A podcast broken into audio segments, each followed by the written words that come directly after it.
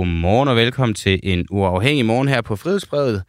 Øh, der står syv på klokken, og det betyder, at ja, vi nu endnu en gang sender, og der står torsdag på ugekalenderen, og det betyder, at der er en dag ud over den her tilbage i, øh, i ugen. Og øh, så kan vi gå på, på weekend. Men øh, inden vi lige gør det, så skal jeg bare lige fortælle dig om, hvad programmet i dag skal handle om. Fordi mangler du en nyre, så er der dobbelt så høj risiko for at dø, hvis du bor på Sjælland. Bliver man syg med en nyresygdom, så skal man ikke ønske sig at bo øst for Storebælt, for her er ventetiden på en nyretransplantation dobbelt så lang som i resten af landet. Det viser en ny rapport fra Sundhedsstyrelsen. De seneste fem år er 57 patienter i Region Hovedstaden døde, mens de ventede på en nyre, og det er altså dobbelt så mange. Bare i Region Hovedstaden, så er det dobbelt så mange som dødsfald, som man har set blandt nye patienter på venteliste i hele landet. Vi spørger så øh, Monika Rubin, der er sundhedsordfører og politisk ordfører for Moderaterne, hvad den handlekraftige midterregering vil gøre for at komme problemet til livs, fordi det er jo en, en, en midterregering, der vil løse alle de problemer, der ikke indtil videre er blevet løst, og hvordan man så gør det her. Noget, de ikke har været særlig gode til at være åbne og svare på, det er, hvorvidt at de går ind for automatisk organdonation, hvilket faktisk både Venstre og Socialdemokratiet har svaret, at de er enige i. Og øh, er Moderaterne også enige her i, så har de altså et flertal for at for at lave øh, automatisk organdonation her i landet. Det vil simpelthen sige, at staten per automatik, når du bliver født, ejer din krop, indtil du har taget valget om det modsatte. Det er det interview, vi skal øh, høre øh, klokken 7.45, og øh, så har vi også et rigtig godt program op til det, som vi bare skal se at komme i gang med. Fordi er det kun regeringen, der må tjene penge på havvind? I februar så gik der chokbølger gennem dansk erhvervsliv. Regeringen bremsede nemlig en kæmpe dansk udbygning med havvindmøller på havet. Det gjorde de ved at sætte den her åben dør-ordning, som vi også har beskæftiget os lidt med her på en uafhængig morgen på standby. En ordning, der gjorde det muligt for virksomheder at ansøge om at opsætte havvindmøller. Og i går så meddelte regeringen så, at 27 ud af i alt eller 24 ud af alt 27 havvindprojekter, der blev sat på standby i februar, ikke bliver til noget. De sidste tre vides endnu ikke, om de bliver gennemført, men altså det er altså, at alle dem her, man har sat på standby, har sagt, det må vi lige se an. Nu kan man så melde ud, at de projekter bliver ikke til noget, og øh, det får der nogle konsekvenser for visse dele af danske erhvervsliv.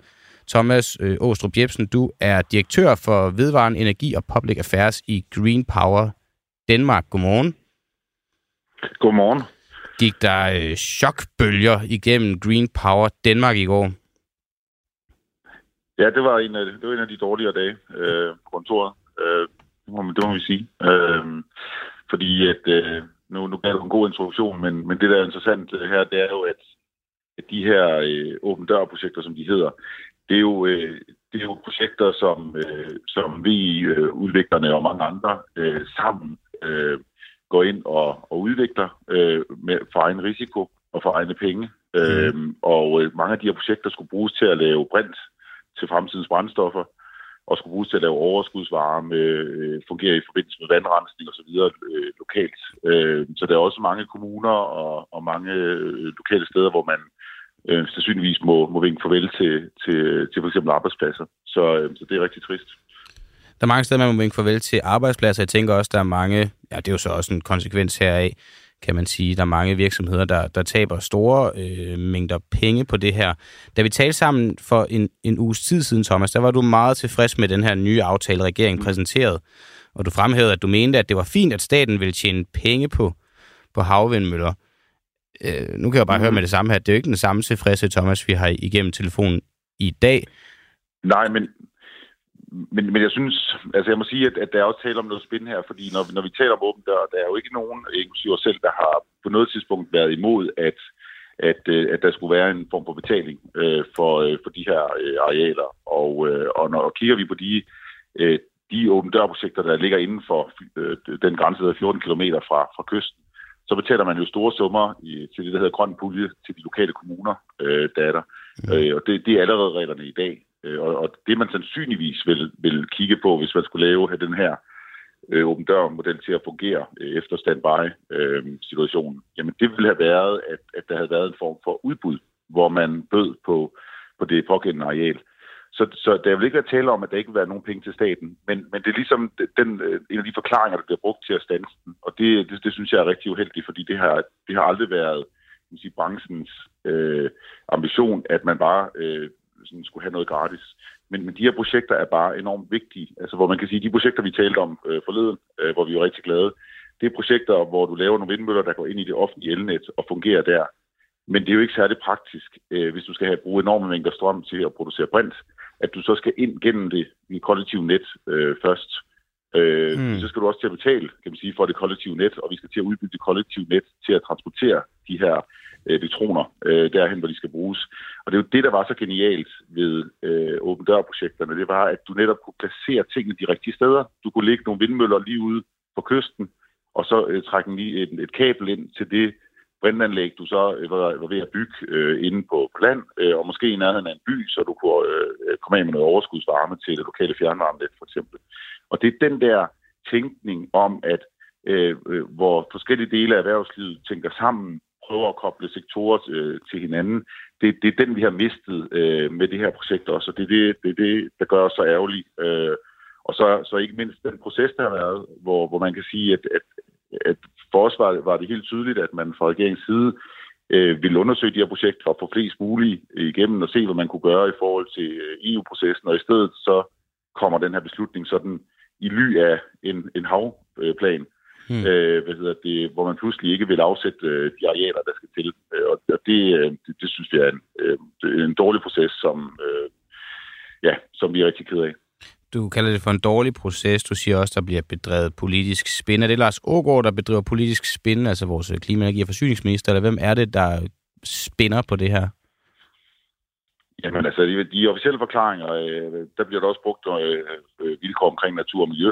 For eksempel, øh, vi har hørt forklaringer om, øh, om øh, altså, øh, hvad det, de juridiske udfordringer, som vi til fulde anerkender, øh, det har været. Øh, og så er det, har du selv nævnt økonomi. Men, men de her dele kunne man jo få til at fungere. Øh, mm. Men det er jo ikke der, vi er nået til. Vi er jo ikke nået til den, øh, til, til den diskussion, der hedder, hvordan skal en model se ud? Vi har sådan set stanset processen allerede før vi nåede der, ved at sige, jamen, der er tre arealer, eller der er tre øh, åben dør-projekter, som, som ligger steder, hvor der allerede er lavet plads til dem, hvis vi skal sige det som det er simpelt, i, i, i den havplan, vi har, eller havde tidligere. Øh, dem vil vi gerne fortsætte. Men i den nye afplan vil vi ikke kigge på at afsætte den plads, der skal til til de 24 andre. Øh, mm. Og vi vil ikke engang undersøge, om der er nogen af de 24, som kunne gå videre. Det kan også være, at nogle af de 24 vil ligge øh, steder, hvor det vil være svært at give plads til dem. Det kan sagtens være. Men man har slet ikke vil undersøge det, øh, og, og så har man simpelthen skåret den der. Og det, det synes vi er en, er en, er en uheldig proces øh, for, for de her projekter, og det skal tænke på, det ud over lokalsamfundene, så er der jo øh, investeret millioner, millioner, millioner øh, i at udvikle de her projekter, og øh, hvad hedder det, øh, at planlægge dem og øh, tænke i, hvordan tingene skal afsættes osv. osv. De mange hundrede millioner kroner er jo også mistet nu. Og det vil sige, det signal, man har sendt til erhvervslivet øh, på den her proces, det er jo, vi kan ikke rigtig regne med den aftale, der er. Vi mm. ind på noget, det kan godt være, at vi laver det om. Og det, det er bare så uheldigt for den grønne omstilling og for investeringerne i den, øh, øh, synes vi. Har regeringen og klimaministeren og politikerne bag det her så i dine øjne snydt erhvervslivet med den konsekvens, at erhvervslivet mister flere hundrede millioner, fordi at de troede, at man havde en aftale? Jeg synes, nyt er et, et stærkt ord. Øh, jeg synes, øh, og jeg, jeg vil ikke begynde, begynde sådan, hvem, hvem har, altså jeg vil sige, det man i hvert fald har gjort her, det er, at man har, øh, man har øh, sendt et signal til nogle, øh, nogle øh, virksomheder, som har budt ind på en model, som fandtes og eksisterer, øh, så har, har man mødt nogle juridiske udfordringer på grund af antallet. Mm. Det anerkender vi. Øh, men så har man, øh, mener jeg, med den her øh, proces, der så har været, øh, øh, så har man trukket tæppet væk under, øh, under den tillid, der er til, at når man melder ud, at man, øh, og det var også den tillid, vi havde, at når man melder ud, at man arbejder på at lave en ny øh, dørmodel, eller finde en model, der kan, der kan fungere juridisk, så er det naturligvis det, man gør. Og så vil de her projekter jo blive vurderet individuelt i forhold til at sige, hvor mange af de her projekter kan vi få til at gå videre, og hvem må vi desværre øh, af alle mulige øh, juridiske det kan også være, at der, der er en sejlrende. Det kan være, at forsvaret skal bruge arealet til at øh, flyve eller øh, skyde granater, eller hvad det nu kan være. Øh, jamen, der kan være nogle områder, hvor det bare ikke kan lade sig gøre. Og det, det er selvfølgelig klart, og det, det vil alle anerkende, at sådan nogle forhold kan være. Men at man ikke engang når dertil, så at sige, man bare hiver tæppet væk, i, i ly af en, en, en havplan, det, det, øh, ja, det, det synes vi ikke er måden at, at gøre det på. Vi synes, det er, jo, det er uheldigt for øh, af mange grunde. Okay. Så bare lige her til allersidst et spørgsmål, vi stiller øh, alle kilderne her til morgen, fordi vi taler om organdonation og automatisk organdonation som en mulig løsning på øh, mangel på øh, organer ja. øh, og donorer. Hvad vil du synes om, at regeringen indførte automatisk organdonation, sådan at de per automatik øh, bestemte over eller bestemt, det, det er måske meget stort, men som de per automatik havde adgang til dine organer, medmindre du havde meldt det fra?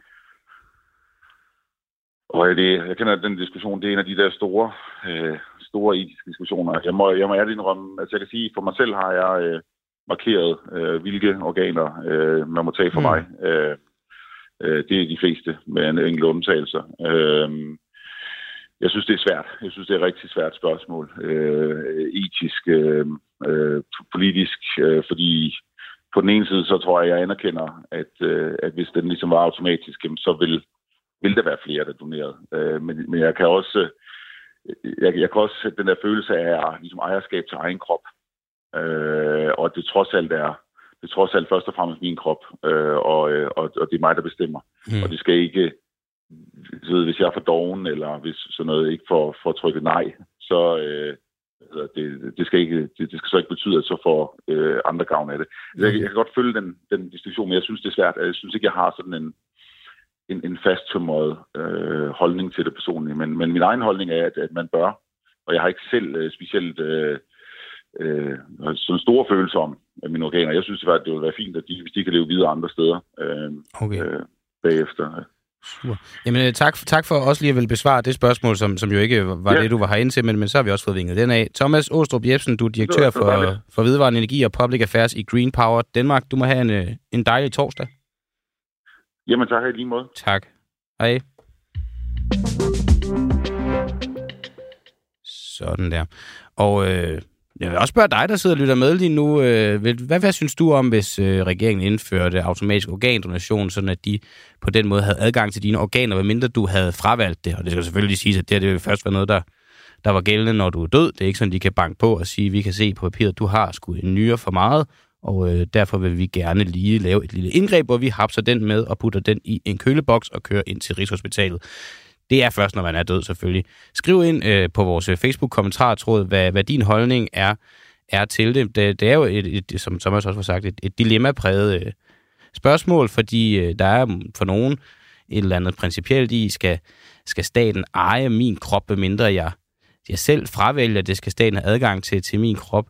Jamen, det, det, er jo, det, er jo så, øh, det vil jo så være, være sådan landet lå, og så er der den anden side af det, som er, at vi mangler organer i det, i det offentlige og i sundhedssystemet, og øh, det vil jo bare unægteligt være en måde at, at, at få flere aktive organdonorer. Skriv ind i Facebook, hvad, hvad din holdning er hertil, og så vil øh, jeg blive meget, meget glad. Så vil jeg bare lige hurtigt vende på en ganske, ganske kort nyhed, inden da vi øh, hopper videre. Det er, at fødevareministeren han vil undersøge nødvendigheden af æg på køl, og det kan måske lyde som den øh, mindste nyhed i dag, og det kan også godt være, det er det, men der er alligevel en lidt sjov ting i det. I Danmark der er der en regel om, at æg skal opbevares på køl. Men den regel, den findes ikke i nogen andre EU-lande, og derfor vil Fødevareminister Jakob Jensen undersøge, om reglen skal fjernes. Det skriver Ritzau.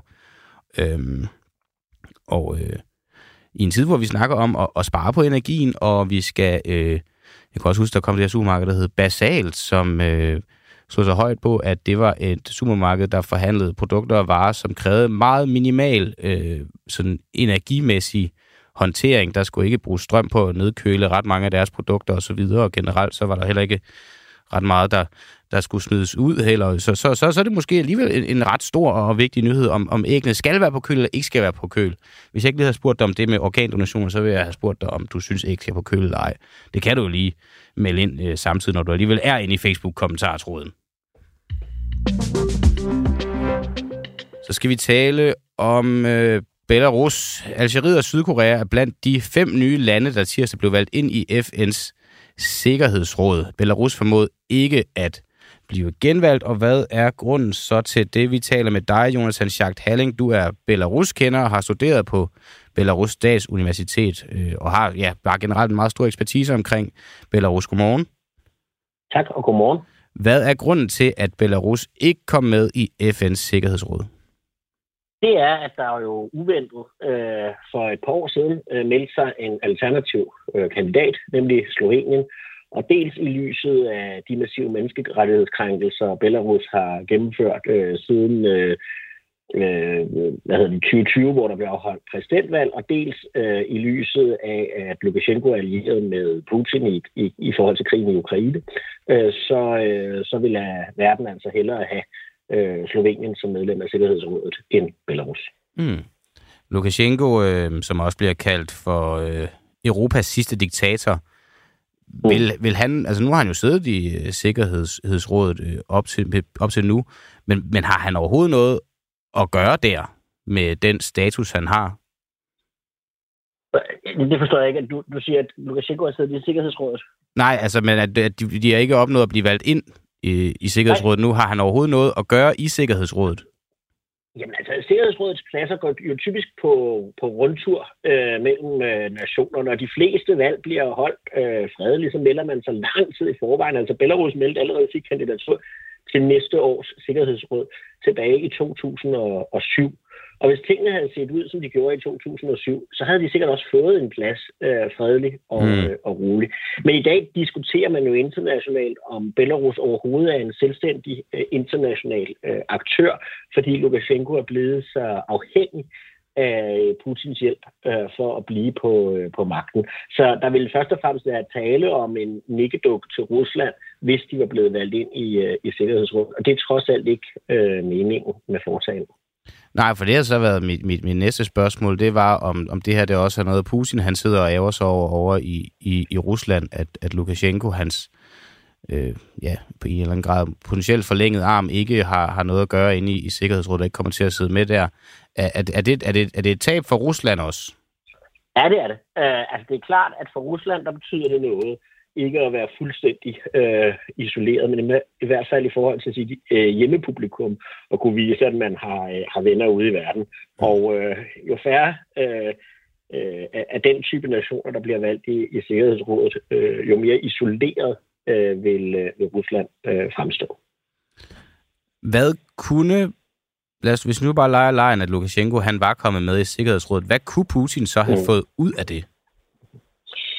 Jamen, der foregår jo hele tiden diskussioner øh, i, øh, i Sikkerhedsrådet i forhold til, øh, til krigen i Ukraine, og konkret har jeg set, at, at øh, Ukraine har anmodet om, at øh, man skal have et ekstraordinært øh, møde i Sikkerhedsrådet i anledning af øh, øh, den her øh, sprængte øh, dæmning. Mm. Øh, der, øh, der kunne Lukashenko jo have været øh, en, øh, en, en støtte til, til russernes øh, lidt fantasifulde historie om, at det skulle have været øh, ukrainerne selv, der sprang dæmningen i stykker. Mm. Så, øh, så på den måde, så, øh, så, så kan, det jo, øh, kan, kan de være allieret. Så kan man sige, hvis jeg lige må tilføje det også, at, at, at for, for Belarus er det her måske også et, et hårdere slag end, end, end som så, for der er faktisk en ret stor stolthed i Belarus i, at man har et øh, udenrigsministerium og altid har haft et udenrigsministerium. Det var sådan, at selv under Sovjetunionen, der havde Belarus som delstat i Sovjetunionen sit eget udenrigsministerium, og derfor også selv medstifter af FN mm. øh, tilbage efter øh, 2. verdenskrig. Og det har man sat en, en, en, en stolthed øh, i. Derfor har det belarusiske øh, udenrigsministerium typisk også været en mere moderat kraft i, øh, i, i belarusisk politik end, øh, end, end Lukashenkos øh, regime øh, i, øh, i, i øvrigt. Så hvis man nu vil kigge på det andet perspektiv, øh, så kan man sige, at, at øh, den her isolering går jo, går jo begge veje. Det kan godt være, at vi isolerer Lukashenkos øh, regime, men vi isolerer os også fra, fra de muligheder, som kunne ligge i at have en dialog med, øh, med hans regime. Ja, fordi der, der kunne man jo så have, ja, bare som du siger, haft noget, haft noget dialog, men der har man så vurderet, at man hellere undværer den dialog, end at have ham siddende med og potentielt kunne videregive eller påvirke beslutninger og oplysninger.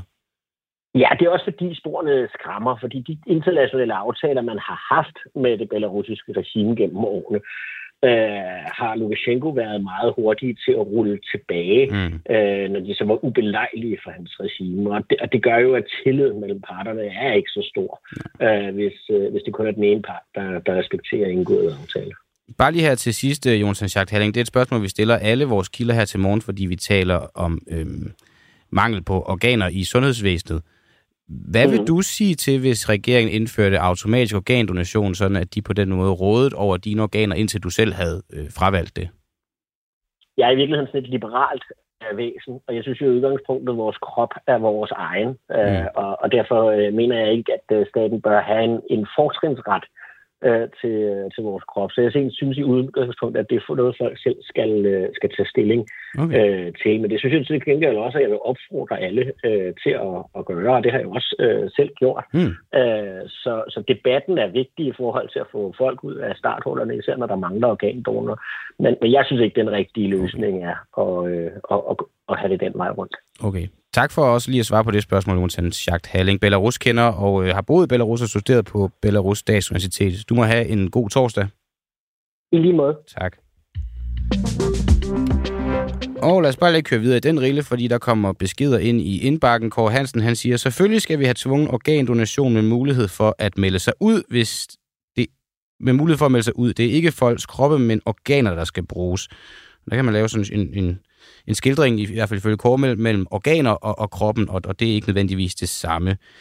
Så skriver Anne øh, Bøl, hun skriver, i disse samtykketider er det underligt, at vi på nogle områder pludselig bare kan formode samtykke om noget så vigtigt. Og Kenny Christen skriver, formynderstat, vi bestemmer jo snart ingenting selv alligevel. Vi er statens ejendom, og vi har ikke meget at skulle have sagt i sidste ende.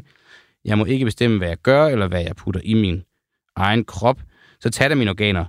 Det er jo deres alligevel åbenbart.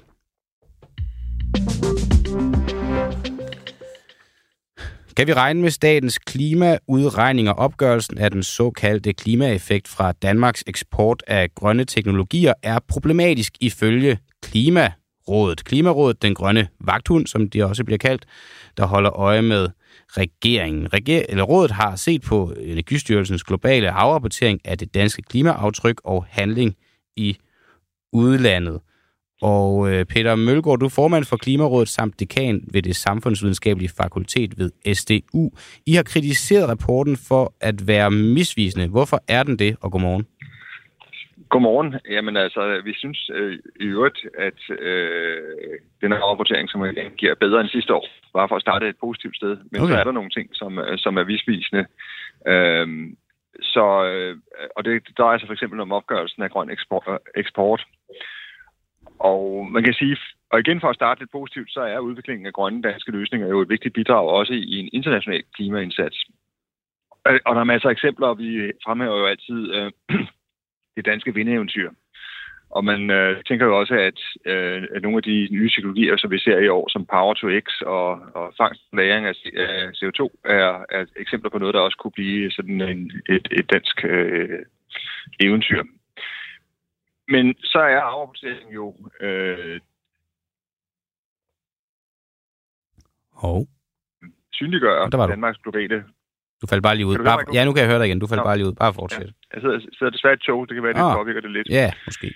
Øhm, nej, men afrapporteringen har jo til formål at synliggøre Danmarks globale påvirkning af klimaet. Og øhm, vi skal så vurdere, om, om afrapporteringen er retvisende. Og så er det her, at Klimarådet vurderer, at den metode, som vi som, som regeringen bruger til at opgøre klimaeffekterne, øh, overestimerer hvor meget den øh, påvirker klimaet, eller hvor, mm. hvor godt den påvirker. Øh, og det er øh, Øh, fordi, at vi antager, eller regeringen antager, at eksporten erstatter en teknologi, øh, som bruges i dag med det energimix, som modtagerlandene allerede har i dag. Altså, så i virkeligheden så tænker vi, at det kontrafaktiske er, altså, at, at de ikke køber en dansk vindmølle, for at tage et konkret eksempel. Øh, hvis de ikke køber en konkret vind, øh, dansk vindmølle, så øh, får de slet ikke noget vindenergi øh, ind i systemet. Men der siger vi, jamen, vi er jo ikke de eneste udbydere af vindmøller. Det kunne være, at alternativet til at købe en, en dansk vindmølle ikke var ikke slet ikke at købe en vindmølle, men at købe en tysk eller en kinesisk vindmølle. Og, øh, og derfor overestimerer øh, den måde, øh, regeringen opgør øh, teknologi, teknologien i eksporten, at øh, øh, altså gevinsterne ved den grønne danske eksport. Mm. Så de, de, de bliver sat for stort. Øh, og hvis, vi, hvis opgørelsen skal være så retvisende som muligt, så er det bedst, øh, at, vi, øh, at vi bruger en teknologi, hvor den kontrafaktiske ikke er, at der slet ikke kommer en vindmølle, men at der kommer en anden vindmølle. Og så, end dansk. og så bare lige sådan for at prøve at, at forstå og, og, og i en eller anden grad opsummere. Vil det så, altså, til gode ser rapporten fra Energistyrelsen i virkeligheden i højere grad regeringspolitik og dens effekter end den reelle øh, miljø- og klimatilstand? Den gør jo det i hvert fald, at den ligesom øh, viser, at, at, vi, at vi gør noget, noget rigtig godt for, for resten af verden, hvor man kan sige, at det er måske at, at overestimere den positive effekt af Danmark for resten Mm. af verden.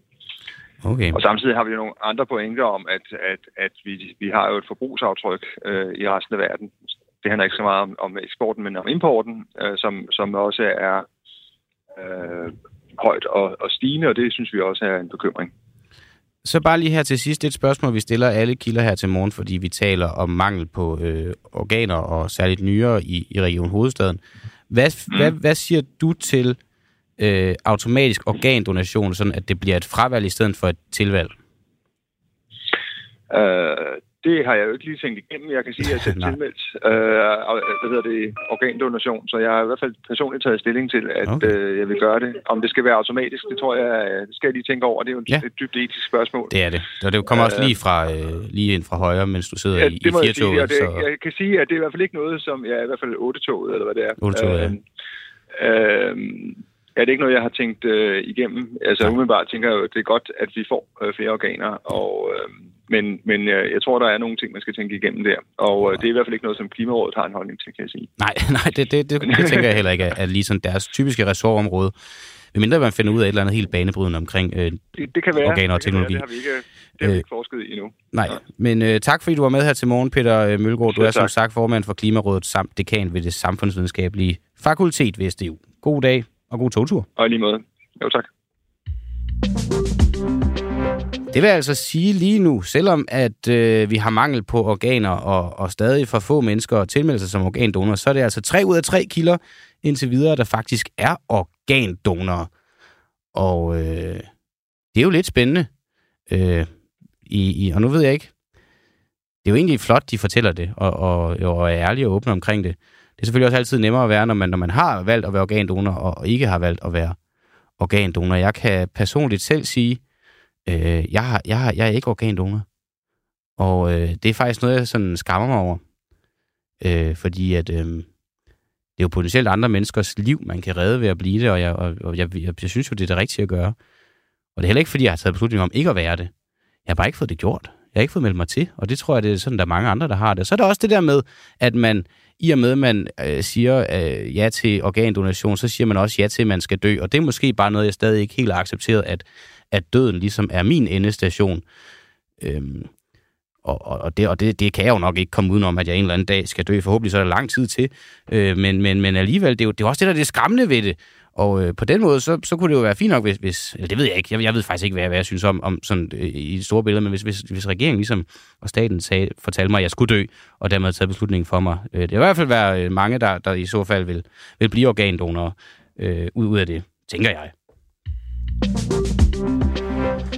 Sikke en masse ævlen, og øh, nu skal vi til noget, der, øh, der, der, der, der er meget, meget, meget sjældent. Jeg har faktisk ikke oplevet det nu, plejer at være ævlen. Vi skal nemlig tale med Carsten Norton, for vi skal høre nu, om det er bye-bye til banditers i Danmark. Fordi hvis der er noget, som justitsminister Peter Hummelgaard han ikke kan lide, så er det betalingsparkering og rockere. Og øh, han ønsker endnu ikke at gøre op med betalingsparkering, men han ønsker at gøre op med rockere her, særligt banditter, som han vil gøre ulovligt på samme måde, som man så det med LTF. Vi vil værne om vores motorcykelklub og fællesskab. Vi skal have lov til at eksistere, det siger en ikke navngivet talsperson fra Banditos her i, i sidste uge. Og, og spørgsmålet er bare, om, om det nu også kan, kan blive ved. Øh, Carsten Aarhusen, du er journalist på Frihedsbrevet og skriver Fri Bandit. Er det snart slut med Banditos i Danmark, og godmorgen? Godmorgen.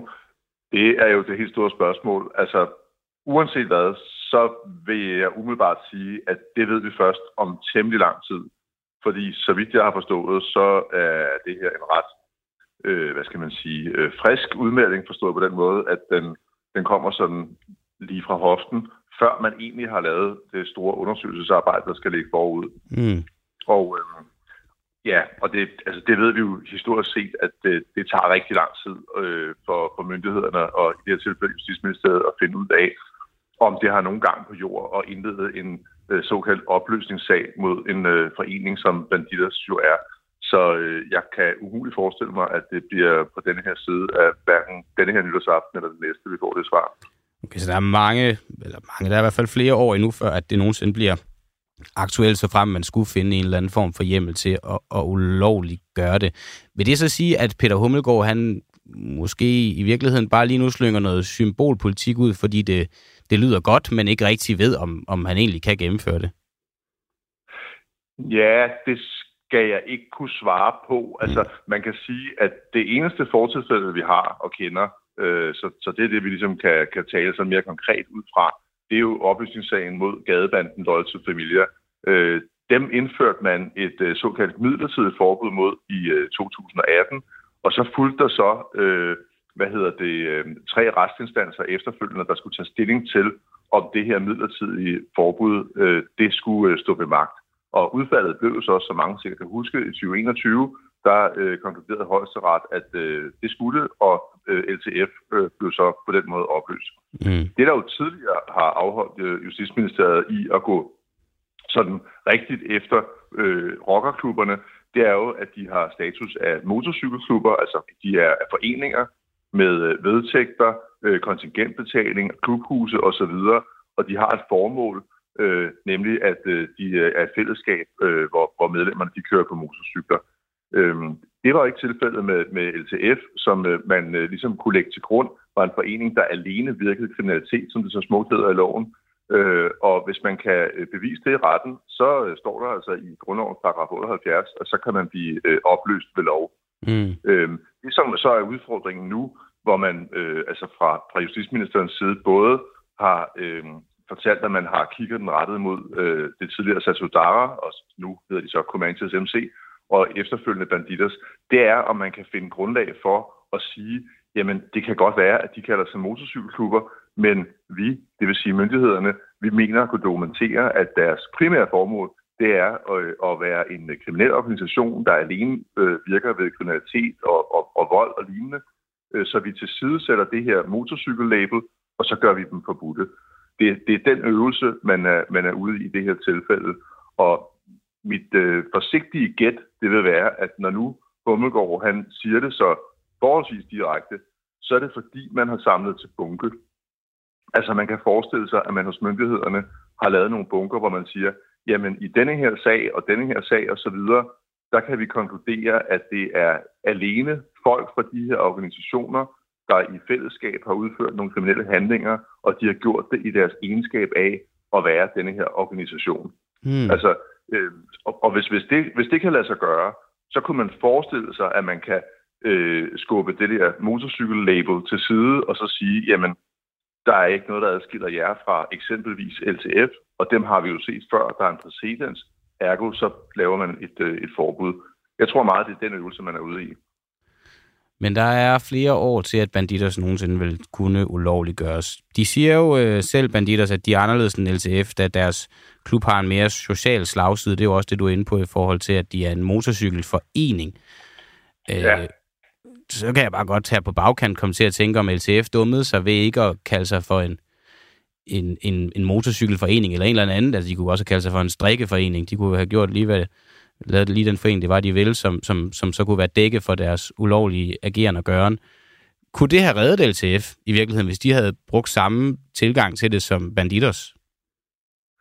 Øhm, umiddelbart ja, fordi øhm, det, der jo var tilfældet med LTF, det var, at når man spurgte dem selv, jamen, hvad er I egentlig for en øh, organisation, så sagde de, at vi er et øh, broderskab af nogle øh, ligesindede gutter, der, øh, der holder sammen med hinanden og har et fællesskab omkring det. Mm. Men altså, som du er inde på, de kunne ikke sige, at vi mødes hver onsdag og, og, og strikker trøjer eller, eller strømper, eller hvad det nu måtte være. Øh, så, så, så det gjorde det altså i gåseøjne øh, lettere for myndighederne at sige, at det her det er altså alene en, en gadebande, en kriminel organisation. Så, så umiddelbart ja, altså så længe man kan dokumentere nede i retten, at man har et, øh, et fællesskab og et, øh, et socialt formål, som rækker ud over de enkelte stående medlemmers eventuelle kriminelle handlinger, øh, så har man lov til at være en forening. Og det er jo også det, vi hører øh, øh den advokat, Michael Julie Eriksen, der, der repræsenterer Banditos i, i denne her sammenhæng, sige, jamen altså Banditers er ikke sådan som LTF. De er en, en forening, der har et fællesskab omkring motorcykler og fester osv., øh, og, og de har en social funktion, og dermed øh, så har de lov til at være her, fordi vi jo har både forenings- og ytringsfrihed i Danmark, så det kan godt være, at der er, er nogen, der synes, at øh, det ikke er en forening, de øh, billiger, men øh, det betyder ikke, at de ikke har lov til at være her. Mm. Så bare lige her til sidst, øh, Carsten Norton. Du kan også bare sige, at du ikke vil øh, svare på spørgsmålet, for det er jo ikke noget, vi, vi har aftalt. Men det er bare, at vi spørger alle kilder her til morgen, fordi vi snakker om mangel på organer og nyere, særligt i Region Hovedstaden.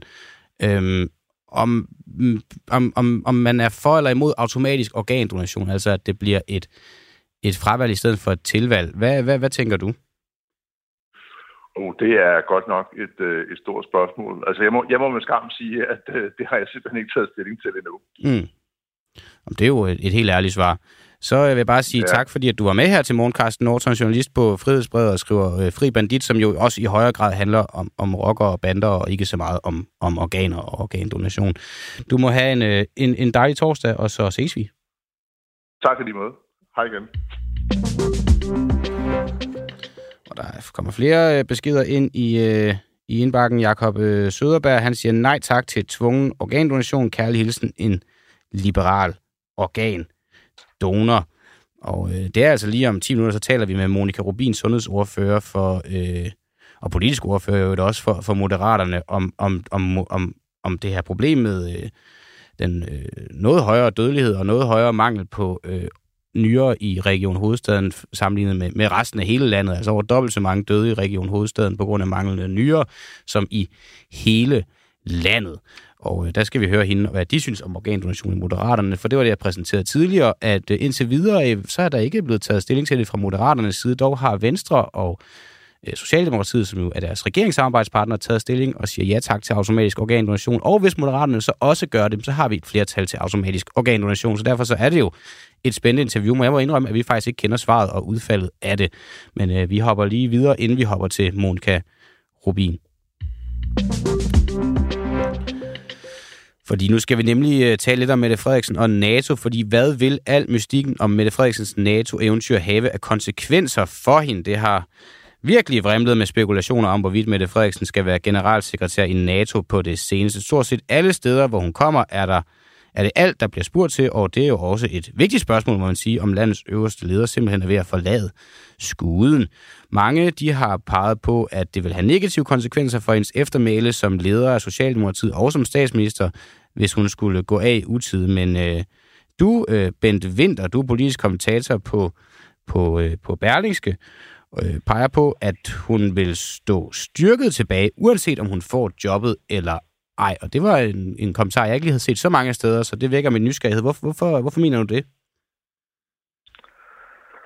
Øh, altså det, jeg mener, det er, hvis, hvis man forestiller sig den situation, at hun øh, har været langt frem i opløbet, og øh, det ender med, at øh, det ikke bliver hende, men en anden, der bliver NATO-generalsekretær.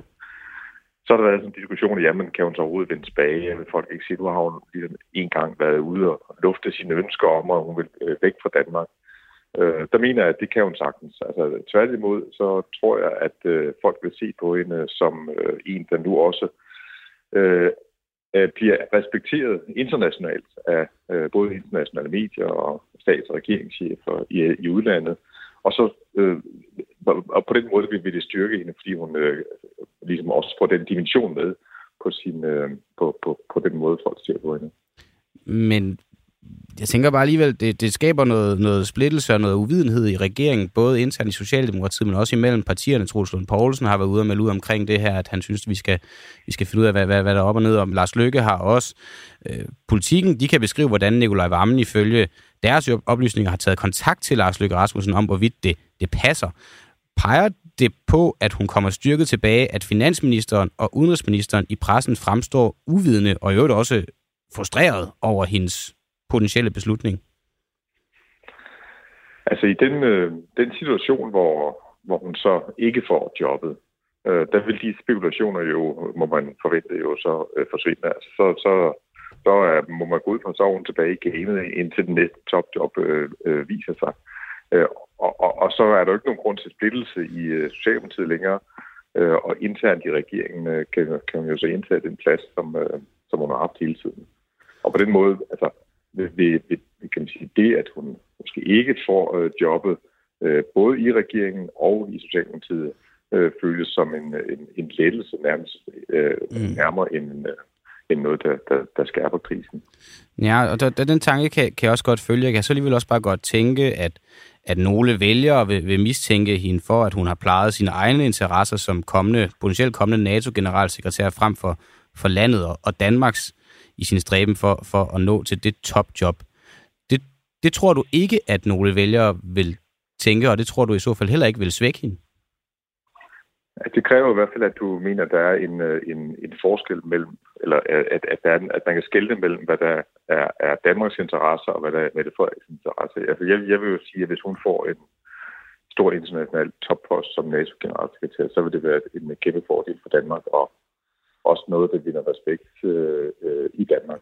Så, så, så, men det er jo rigtigt, det, det der kan ske, det er, at man øh, nogle steder i vælgerkorpset siger, jamen, Øh, hun vil hellere i virkeligheden hellere bevæge sig rundt øh, på de bonede gulve i øh, Bruxelles og Washington, og hvor hun ellers øh, kommer til at gå, mm. øh, inden hun vil passe på lille Danmark og øh, andedammen herhjemme. Så øh, i virkeligheden så er hun blevet for fin til Danmark, og, og, og, og hun vil ud. Så derfor øh, forestår der for hende et, et arbejde med øh, i den situation, og, og, og virkelig øh, kan man sige, bevise, at hun interesserer for det, sig for det indrigspolitiske, og at det er det, øh, der nu har hendes fokus. Men, men det valg, vi har haft for, hvad er det, 7-8 måneder siden, der stemte vælgerne jo på hende, øh, dem der stemte på hende, stemte jo på hende som, som statsminister øh, og som politiker i Danmark, og ikke som øh, kommende NATO-generalsekretær. Øh, vil de ikke uagtet føle, at deres stemmer vil være gået tabt, fordi at nu indfrier hun jo så, så fremt at hun bliver NATO-generalsekretær, ikke det job, de havde ønsket hende til at indfri her i landet? Mm, altså, vi, vi taler for, stadigvæk om den situation, at hun ikke får jobbet. Øh, og, og, og, i den situation vil vi så i hvert fald stadigvæk ud at ud og sige, jamen, jeg har heller aldrig været kandidat. Jeg har altid, jeg holder meget af at være statsminister i Danmark, så kan man sige, den facade ud til vil hun jo stadigvæk kunne holde. Så, så, så det, du spørger om, det er, at der er nogle vælgere, der, der så vil tænke, jamen, vi stemte på hende i, øh, i november sidste år, og nu øh, er hun i hvert fald øh, på den store rygtebørs øh, på vej ud, men, men nu er hun så tilbage, og det vil vi så kritisere hende for. Og det, det, det bliver bare, for mig er der mange ved i det, men det, det er jo ikke, det er jo ikke som jeg siger, der er ikke nogen vælgere, der tænker sig om, det vil der givetvis også være. Okay. Helle Thorning, hun tabte valget lige efter hendes forhåbninger om et topjob, de kuldsejlede. Tyder det ikke på, at du måske tager fejl, når du siger, at Frederiksen vil komme styrket tilbage? Altså det, det der skete med, med Helle thorning Schmidt i, i 2014, var, at hun øh, virkelig havde været øh, øh på hælen. af Alle talte om løftebrud, og øh, hun lå i, i krig med venstrefløjen og fagbevægelsen omkring øh, dagpenge og, og alt muligt andet. Øh, da hun øh, kommer tilbage efter sommerferien i 2014 og ikke har fået job, det her topjob i, i EU, der begynder hun faktisk at stige i, i, i meningsmålingerne, og, og det går bedre for Socialdemokratiet, når hun går frem får faktisk et rigtig, rigtig øh, øh, flot valg i, øh, i 2015, men taber regeringsmagten øh, øh, så, øh, først og mm. fremmest fordi Dansk Bank så, så stærkt frem. Øh, så, så det har du ret i, hun taber, hun taber regeringsmagten, men, men øh, jeg tror alle, øh, der, der kan huske den tid, øh, så det der øh, sidste øh, næsten øh, år, hele år, øh, som, en, som en, positiv periode for hende, hvor hun også kan sige, får samling på en masse ting. Okay. Så bare lige her til sidst, øh, Bent Winter, og du må også bare sige, hvis du ikke vil svare på det her, fordi det, det, det spørgsmål, vi stiller alle kilder her til morgen, fordi vi taler om, at der er mangel på nyere, særligt i Region Hovedstaden. Hvad vil du sige til en automatisk organdonation, hvor det blev et øh, fravalg i stedet for et tilvalg? Øh, altså, det, det synes jeg egentlig vil være en god idé. Okay. Det, det synes jeg, men, men, men, men der skal være en mulighed for et fravalg. Ja, okay. Øh. Okay, Nå, men øh, det var bare lige øh, den, jeg lige vil have ganske kort med, for vi taler med Monika Rubin lige her om ganske få minutter.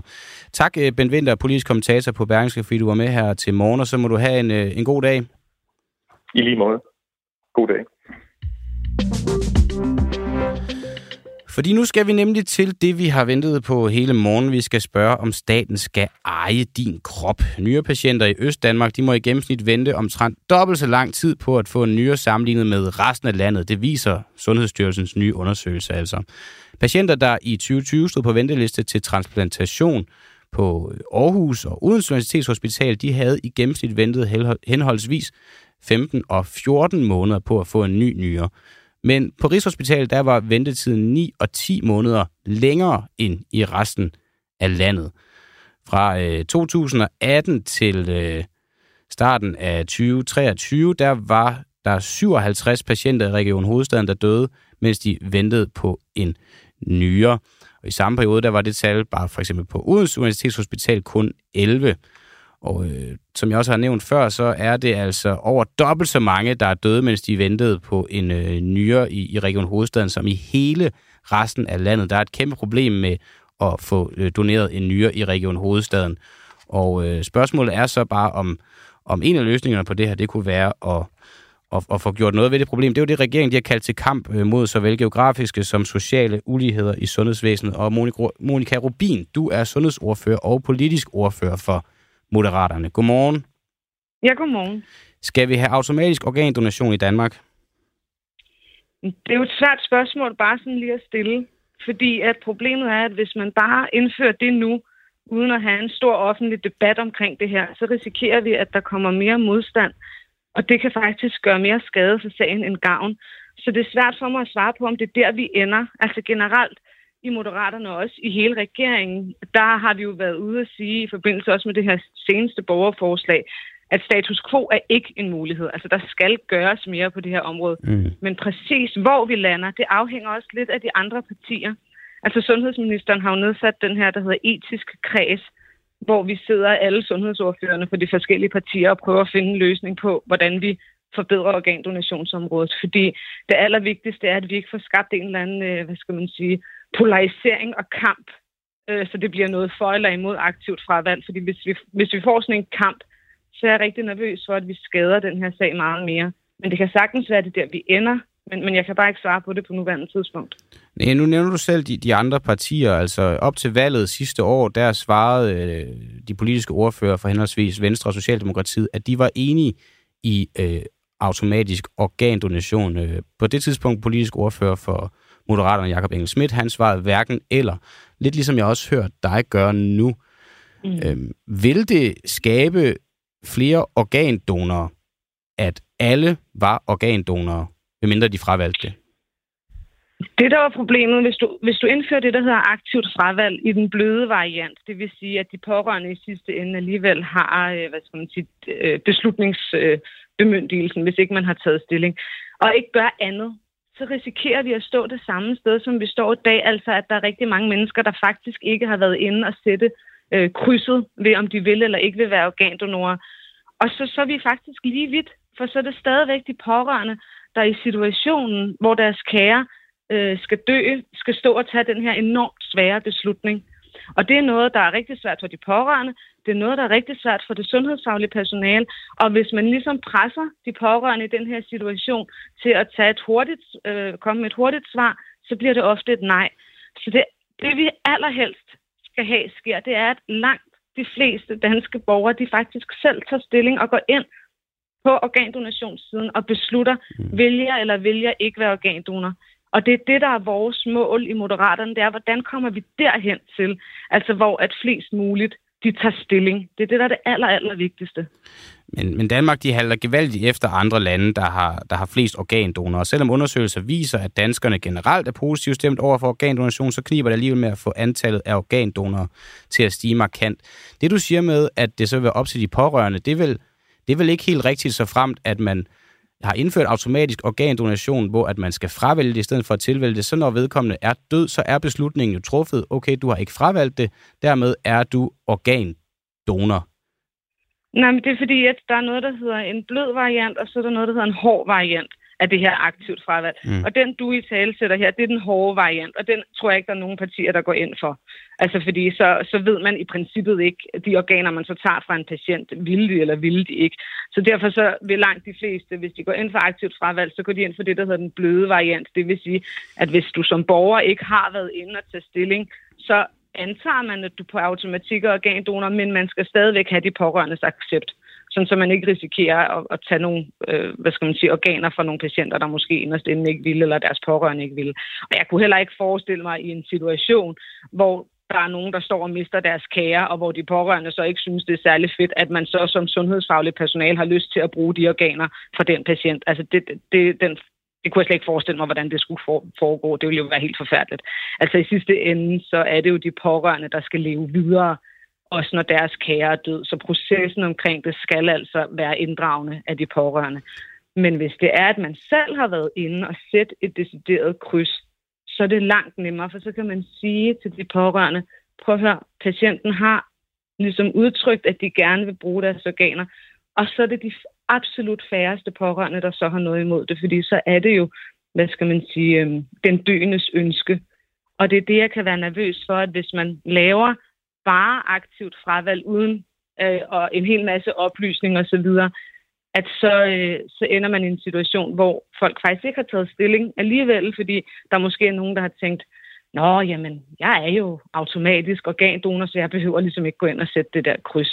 Så, så i hvert fald, hvis det er, at vi ender på en, på en aktivt fravalgs, øh, en blød variant af det, så skal vi have en helt masse informationskampagner, og vi bliver nødt til at have dem løbende og jævnligt, fordi det, der skal ske, det er, at allerflest mennesker skal tage stilling til det her. Og det er derfor, jeg må bare lige sige, jeg synes, det er mega fedt, at de har det oppe i dag, fordi vi ser jo hver evig eneste gang, at organdonation, det er oppe til debat i, i offentligheden. Så der er langt flere, der tilmelder sig donorregister.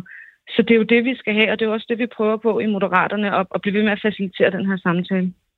Jo, og du er glad for, at vi tager det op, og det er jeg glad for, at du, du er. Men du siger så, at du, du, du stiller ligesom op mellem de her, den bløde og den hårde variant.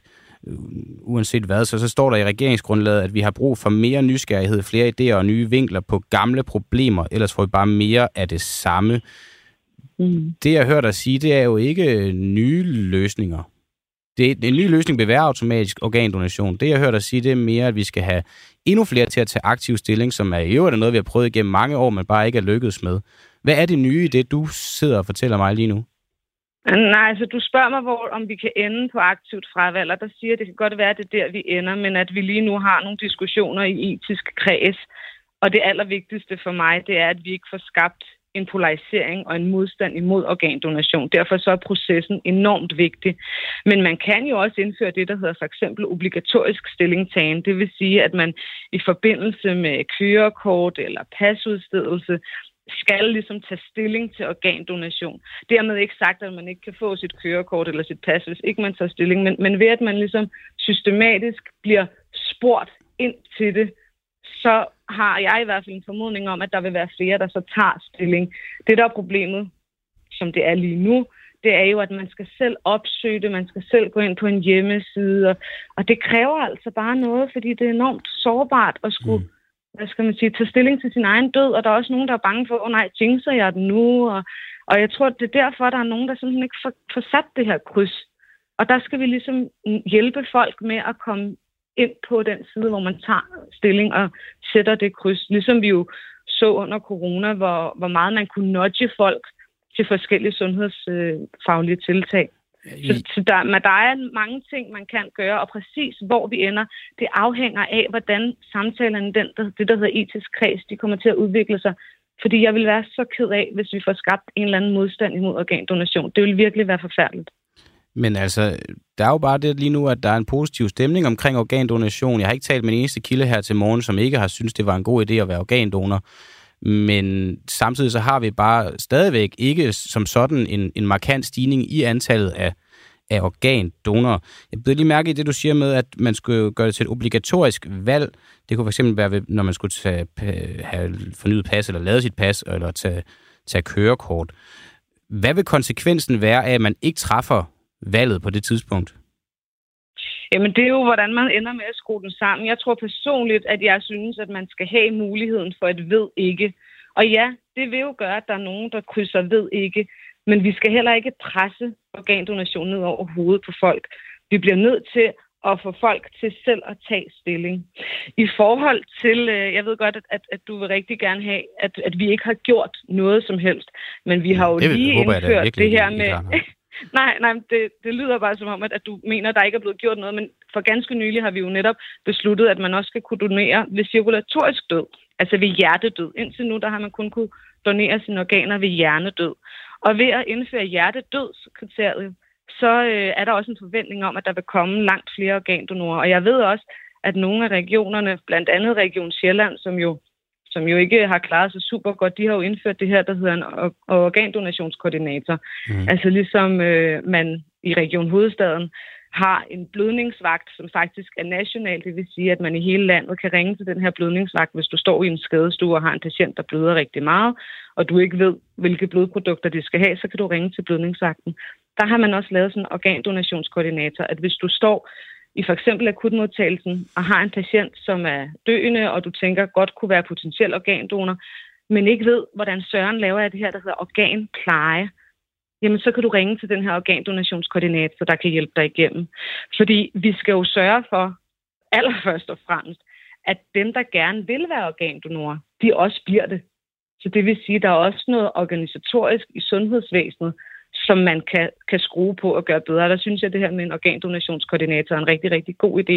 Og som jeg kan forstå det på de kollegaer, jeg kender øh, fra sundhedsvæsenet, jeg er jo også selv læge, som arbejder med det her, så har det faktisk haft en rigtig positiv effekt på, at de har fået flere organdonorer øh, ind i systemet, hvis man kan kalde det det. Men unægteligt er problemet bare stort, særligt i Region Hovedstaden, hvor der de seneste fem år er øh, dobbelt så mange døde, som har ventet på en specifik øh, nyere patienter, der er på venteliste, som der har været mm. i hele resten af landet.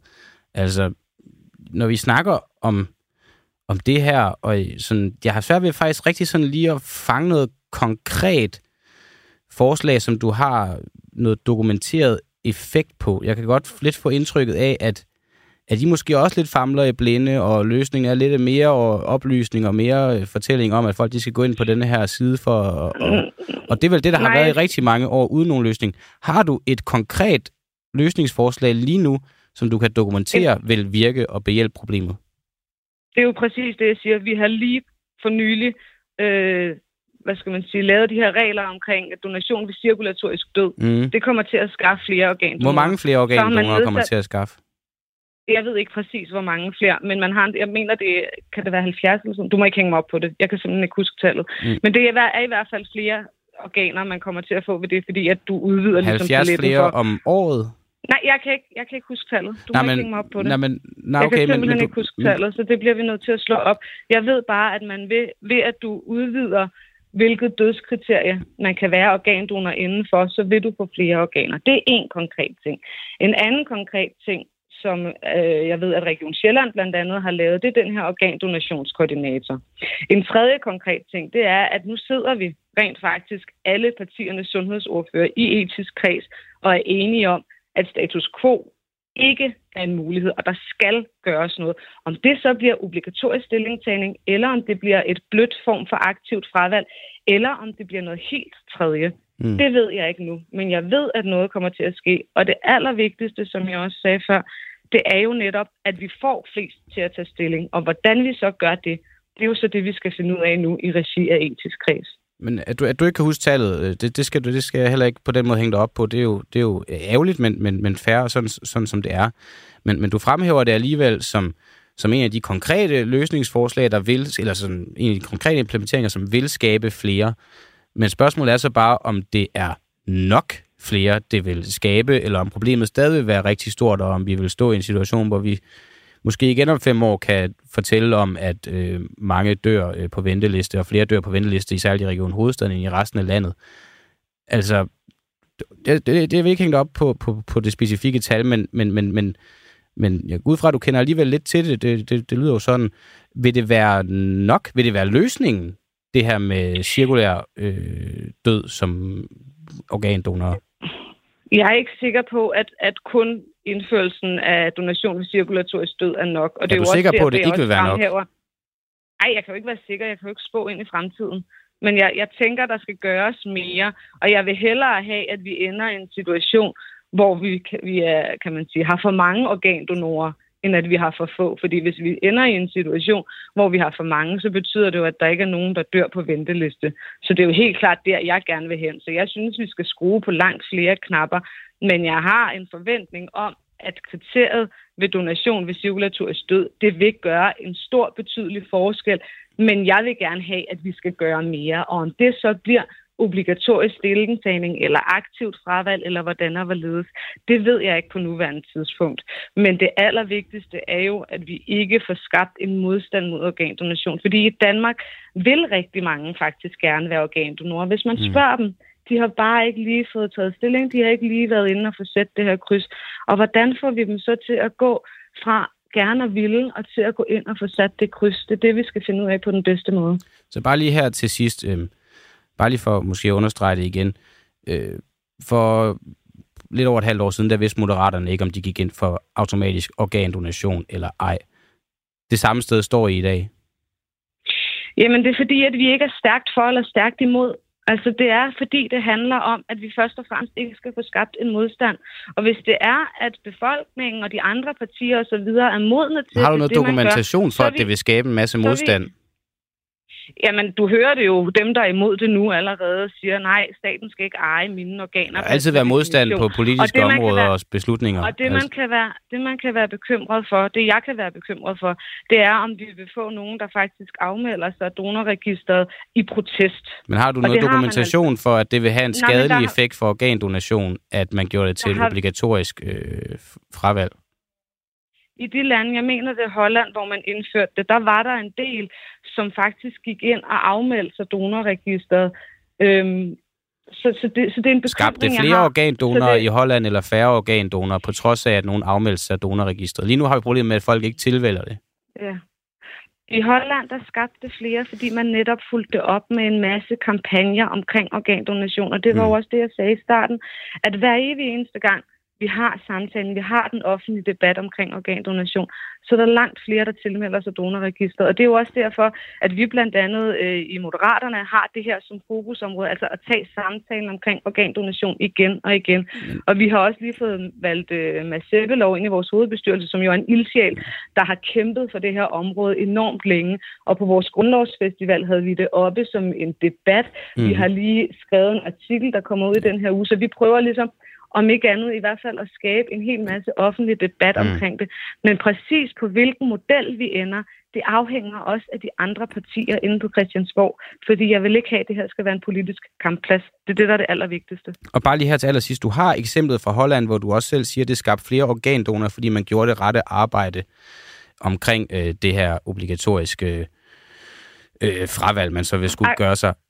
Aktivt fravalg. Aktivt fravalg, ja, undskyld. Øhm, ja, det gør ikke noget. I kan se, der gjorde man det rigtige arbejde. I har faktisk en model foran jer der. Alligevel, selvom I har det, så står du fast på i dag, at det er en hverken eller. I vil ikke... Altså, så længe I ikke er for, så er I jo i en eller anden grad imod, i og med, at man ikke står for at skulle vedtage det. Nej, den præmis køber jeg Nej, okay, men fair nok. Men, men, men, men på trods af, at man har den her model for Holland, så vil I ikke implementere den i Danmark på nuværende tidspunkt? Som jeg sagde til dig før, så det allervigtigste for mig, det er, at vi i den regi af etisk kreds med de andre sundhedsordfører finder ud af, hvordan løfter vi det her område som et fælles, hvad skal man sige, et fælles fodslag, så det ikke bliver en politisk kampplads, som handler om for eller imod aktivt fravalg. Og jeg kan forstå, at der er nogle af vores øh, partikollegaer inde på Christiansborg, der er meget stærkt imod aktivt fravalg. Mm. Så derfor så afhænger det jo også af, hvordan er det, de her diskussioner de udvikler sig, hvor vi ender. Men jeg kan forstå, at der er en ret stor øh, enighed omkring i hvert fald minimum det, der hedder obligatorisk stillingtagning. Så det kan også være, at det er der, man ender, og så ender man på det andet senere. Altså, det, det er enormt svært for mig at sidde her og sige, at vi lænder på den her løsning øh, i morgen. Okay. Fordi det, det kan jeg ikke. Det kommer an på, hvordan samtalen foregår der. Men i hvert fald skal vi hæfte os ved, at nu har man indført donation ved cirkulatorisk død. Man har lavet de her organdonationskoordinator, og det er noget, som alle partierne har egentlig fornemmelse af, tager enormt alvorligt mm. og gerne vil bedre. Så jeg, jeg er fortrøstningsfuld ved, at det nok skal blive bedre, men jeg kan godt forstå, at det må være frustrerende, at jeg ikke har sådan et sort-hvidt svar Men, mm. men det har jeg bare ikke på nuværende tidspunkt. Nej, nej. Er du egentlig selv organdonor, bare lige her til sidst? Det er jeg, og det okay. har jeg været længe. Monika Rubin, sundhedsordfører, politisk ordfører for Moderaterne. Tak fordi du var med os, så må du have en god dag. Selv tak. Hej, hej. Hej. Og øh, programmet det er sammensat af Peter Svarts, og ude øh, i øh, regien med alle sine organer i god behold, der sad Oliver Nubbenau. Tak for i dag.